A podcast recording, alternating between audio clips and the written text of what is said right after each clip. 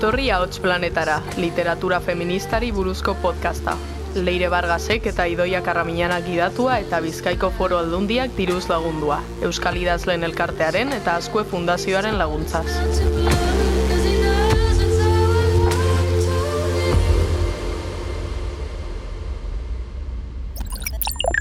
Ara, zertan ari ote dira gaurkoan leire eta idoia? Zerbait pitzatu zaiela ulertu diet. Ai, espero dut landatutako peoniak ondo egotea. Hain da zaila atmosfera honetan astea. Neskak, dena zuzen hor, lurra zalean? Ui, etzun duzu hori leire. Uste dut hauts planeta izketan ari dela. Mm, uste dut zerbait apurtu dugula. Baina ez, lasai, liburu landare berri bat besterik ez da. Baina zer ari zara idoia? Zergatik egiten duzu garrasi? Hauts planetak dena entzuten du. Egia da, baina badazpada, ze pitzatu hitza entzun eta larritu eginda gizajoa. Pitzatuta gaude denok da gure urrengo irakurketaren izenburua. Eta orain zu juka leire. Ai, gu bai gaudela pitzatuta. Baina zoratuta edo arrakalatuta. Zein adierari egiten dio referentzia liburuak? Batek daki. Agian pentsaliteke gu zoratuta gaudela planeta honetan etorriz, baina baita ere apurtuta gaudela, ezta? Bai, zan daiteke. Ulertzen dut esan nahi duzuna, bai, em, denok dugula gure zauriak, gure traumatxoak edo, eta horiek ere arrakalak sortzen dituzte gugan. Bai, eta hain zuzen ere horretaz are ginen, gogoratzen liburuaz ez da Amaia Telleria Mujika, mila bederatzireun da larogeita mairuan jaioa. Gipuzkoa idazlea eta irakaslea da. Bere ipuinak zenbait aldizkaritan irakurri ahal izan dira. 2008ko ekainean bere lehen liburua argitaratu zuen. Aize lekuak izenburuko eleberria. Lan horregatik, beragatik, Gipuzkoako liburu saltzaileek urtero ematen duten zilarrezko Euskadi saria jaso zuen. Bere narrazio laburrak ere sarituak izan dira lehiaketa desberdinetan. Ora hemen, idazle honen azken lana, pitzatuta gaude denok, gaztei zuzendutako eleberria. Alberdaniak plazaratu zuen, 2008 bateko azaroan. Ah, bai, bai, joe, ari nintzaizun liburaren narratzaileaz. Oren gogoratu dut. Oso originala iruditu zait, ezta? Narratzaile multiplea edo anizkuna darabil. Ta badakit ez dela erabiltzen den lehenengo aldia, baina niri halako egiturak asko erakartzen hau. Bai, niri ere azkenean ematen dizu aukera historia goitik bera ezagutzeko, ze kapitulo bakoitzean pertsonaia baten gogoetak entzuten dituzu. Hori da, bai, eta kutsu errealistagoa ematen dio, edo hurbilago sentitzen naiz ni pertsonaiekiko. Bai, azkenean irakurriala bakoitzaren ikuspuntua ezagutu dezakezunez, ba, e, empatiza dezakezu mm, pertsonaia guztiekin, baina sinesgarritasun hori galdu gabe. Bai, oinarrian harreman sozialak dira liburu honen gai nagusia eta haien baitan sortzen diren hierarkiak, ezta? Bai, azken finean beste gai batzuk azalduarren erabezaroan eta bizitzan hain dago guztia horrekin lotua, ba, bestelako gatazke gure posizio sozialean duten pisua ikusarazten du liburuak nik uste. Esaterako, a ber, euri popularra da. Ein handi batean gorputz normatibo bat duelako.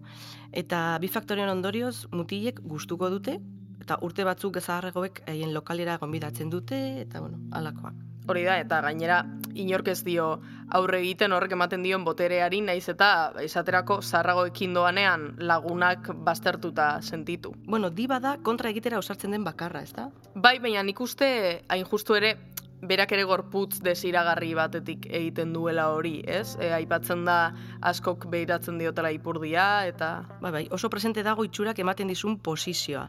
Eta ondorioz, norbere baitan sor dezaketen gatazka, zure gorputzarekin konforme zaudenean.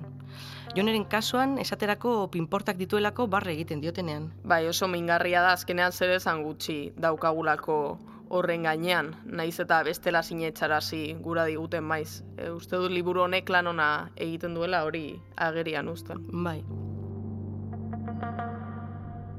Inor begira etzegoela ziurtatu ondoren, kamiseta erantzi nuen nik ere, eta erortzen utzi nituen galtza motzak.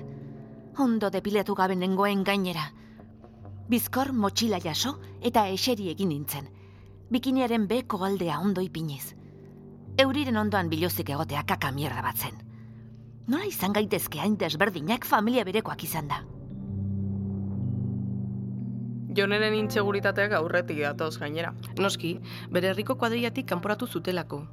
Hori da, uda pasatzera lengusinaren herrira etortzeko arrazoi nagusietako bat.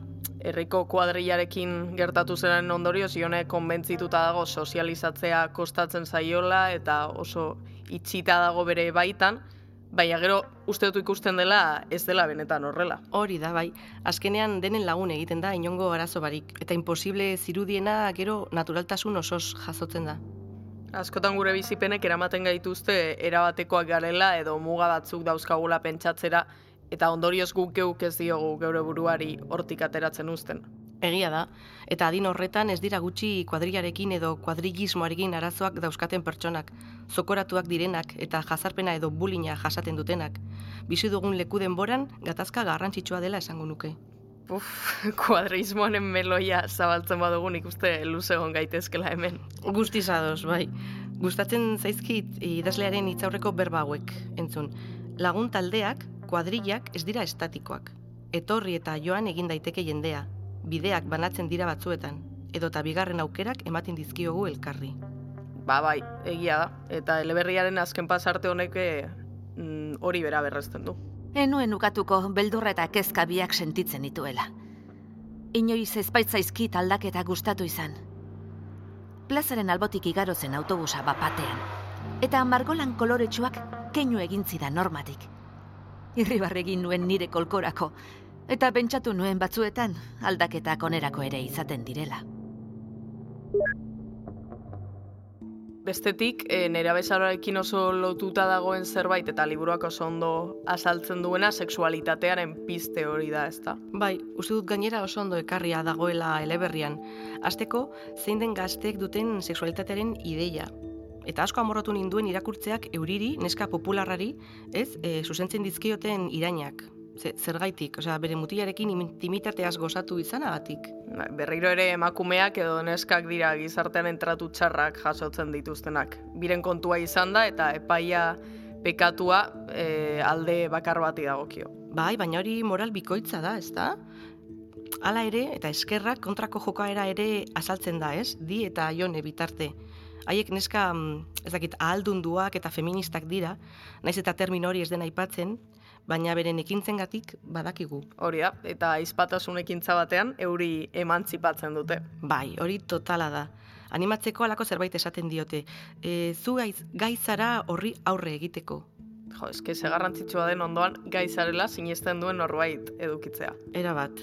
Eta aldiz, zein mingarriak izan daitezkeen egiten ditugun txutxumutxuak. Batzuetan, gehienetan ez bada, oinarririk gabe eginda daudenak. Eta dinorretan gainera ez da bate erraza horien efektuari aurre egitea eta e, garaitzea azkenean protagonista zein testigu izan da ba, beti da buruan daukagun zerbait. Xuban, isildu gabe aritu omen da gaur guztia kontatzen. Joan diren bi gauetan eskulanetan ibili direla dio. Nola eskulanetan? Nahiago nukeen handik aurrera entzun nuen guztia entzun ezpanu. Xetasun nazkagarriak botagura eman zidaten asmotxarreko txutxumutxua guztiek. Bere munduan ez da dena yoga eta planeta salbatzea izango, ez? Barregin zuen suge gorri aietako batek. Badakizu, peace and love esan zuen besteak azken hitzari enfasi berezia emanez. Beste aldetik ere, divertigarria ikusten dut, aizpatasun horretatik e, abiatuta, neskek masturbazioaz jarduten dutenean. Alako mm, akelarre kutsua ez du? ba, izan daiteke. Ba, egia da, haien artean partekatutako momentu intimo bat dela, eta gainera askotan ikusten ez duguna. Bai, arrazoia duzu. Emakumezkoen sexualitatearekin zerikusia duen ezerk nahiko tabu izaten jarraitzen du baina gazteen artean agian, pentsatzen dut nik, ez dakit muga horiek eh, gainditzen ari dira, agian, eh? ez dakit eh, itxaropena dut. nik ere pentsatu nahi dut, bidea zabaltzen ari garrera horretarako naiz eta presio sistemikoa ez den batere harina. Zer? Ez dut hainbesterainoko astakeria esan, ez? Zuek ez duzue ondo pasatzen ukitzen zaretenean edo zer? Berriro, begira da madarikatu ura. Ezote zuten neuren gorputza ukituko ba? Gehiegi hitz egiten arioten nintzen? Joder, hau handia. Listua irentzi nuen, nola disimulatu asmatu nahian. Zuk bai, ala? Gelako atea parez pare zabaldu zen kolpetik, eta ales ikusi genuen, irribarretxu. Arratxalde hon. Agurtu bezain pronto, konturatu zen, giro arraroa zegoela, eta zegoen tokian geldi geratu zen. Jo, ba, nik inoiz ez dut probatu. Jone pentsakor eta lotxatuta zegoen bapatean. Ba, ez galdu aukera? Esan nion, bultzadatxo bat emanez. Inoiz ez da berandu. Asmatuko ote dut? Neska! Zuri gustatzen zaizuna probatzea da gauza, denak balio du. Beste gai interesgarri bat da nola definitzen gaituen gure jatorriak, ze pixu duen horrek gure bizitzan. Agian ez da kanpotik begiratuta horren presente dagoen zerbait, baina pertsonaia bakoitzaren ikuspegia jasotzen dugunean, haiengan nabari da gurasoen izaeraren pisua. Hori da, esaterako diren gurasoak portugaldarrak dira eta horrek beste umeen begietara txikekeria eman dezake edo are irakurlearen begietara, baina bere ikuspegia jarraitzen duzunean ikusten duzu beretzako garrantzitsua dela. Horregatik dauka behar azpimarratzeko bere jatorriagatik dela. Mutietako batek bere izena esoikoa dela aipatzen dionean. Eta logikoa, azken batean naiz eta ageriko gatazkarik eraginez, mm, kultura oso bat jasotzera zaramatza zure jatorri horrek eta zure bizimodua baldintzatzen du. Bueno, baina gatazkarriak ere agertzen dira. Diren kasuan, nola bere amak bizimodu osasuntzu bat eramatera behartzen duen. Oso agerian dago nola transmititzen diren gurasoen maniak edo ohiturak haien semea labengan. Diren kasuan hori, e, eurinen kasuan ere dieta jakin bat e, daramala agertzen da hemen, veganoa dela edo. Bai, eta beste kasu batzuetan gurasoen pentsatzeko erek eta erabakiek eragin are handiagoa daukate pertsonaiengan. Alexek esaterako gozoki dendan lan egin beharra du, beraitak ere hala egiten duelako. Ai, jo, eta gainerak esatu ere ez da egiten, eske, aimajoa da mutiko hori. Bai, oso samurra da bera. Alexen pertsonaia horretan bide batez, iruditu zait depresio adolescentea gorpustu nahi izan dela, ez duzu uste? Bai, orain osasun mentala erdigunean jartzen ari den garaiotan kontuan izateko zerbait da gainera. Era bat ados. Eta nola bakardade edo berak aukeratutako isolamendu horretan bideojokoi ekiten dien, ez? Ez pentsatzeko bakarri dagoela kontziente ez izateko, edo azken baten ba, bere amaren eriotza hasteko edo.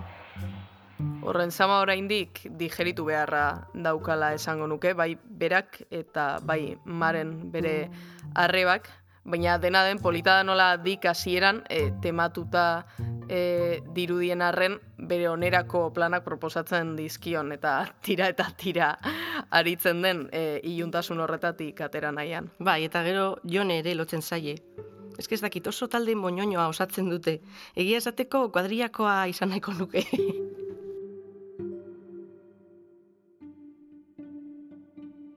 Iruditzen zait eleberriak em, tentsio puntua aurkitzen asmatzen duela. Eta pertsonaia bakoitzari buruz jakin beharrekoa, ba pizkanak argitzen doala. Egia da ondo neurtuta daudela denporak eta erritmoa, ez? Ze azkar doa eta denbora guztian gertatzen dira gauzak ez aspertzeko, baina aldi berean nik uste gauzak badutela haien e, beharrezko garapena.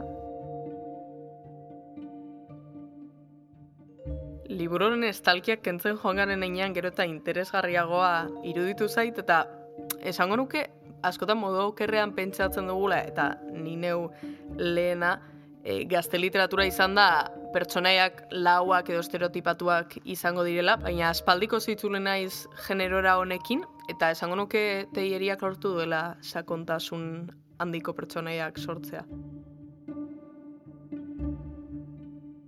Bai, ados nago zurekin. Ze lehenengo kapituloak irakurrita, pertsonaien azaleko irudiarekin gelditu alzara, baina gero aurrera egin ahala, beren barne historia ulertu eta irudikiriak desagertzen dira. Bizitzan bezala, ezin gara gelditu lehenengo impresio edo aurre iritziekin. Ziur irakurleek, gazteek zein helduek euren burua batekin edo besterekin identifikatuko dutela. Zu adibidez leire nor sinateke historio honetan. Buf, nire nera bezaroa hitz egingo banizu, beste programa oso bat beharko genuke gutxienez. Eta zu? Ui, tuxe. Hori beste beste baterako hor utziko dugu. Hobe, hobe, bai. Zuekin, pentsatu nuen neure artean. Ondoko kalera ere ez. Euriri begiratu nion. Bere adatx luzea dantzatuz bira eman, eta mutilei begiratu zien. Umetan utzi genion guk goxokiak jateari. Erantzun zuen irribarrea galdu gabe, eta etxerako bidea hartu genuen. Ondo euri, jaun da jabe. Aitortu zion dik, bere etxeko atarira heldutakoan bostekoa emanez. Beno, Andre eta jabe, hobeto esan da. Bidali zure idazkiak elbide honetara. Ahotsplaneta abildua gmail.com Ahots Planeta, Bizkaiko Foru Aldundiak, diruz lagundutako eta Euskal Idazlen Elkarteak eta Azkue Fundazioak sustaturiko podcasta da. Jada entzungai zure audio plataforma gogokoenetan.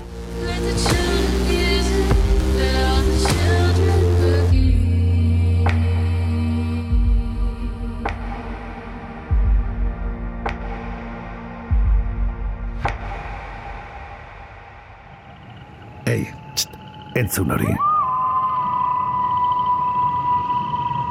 Hulu Media.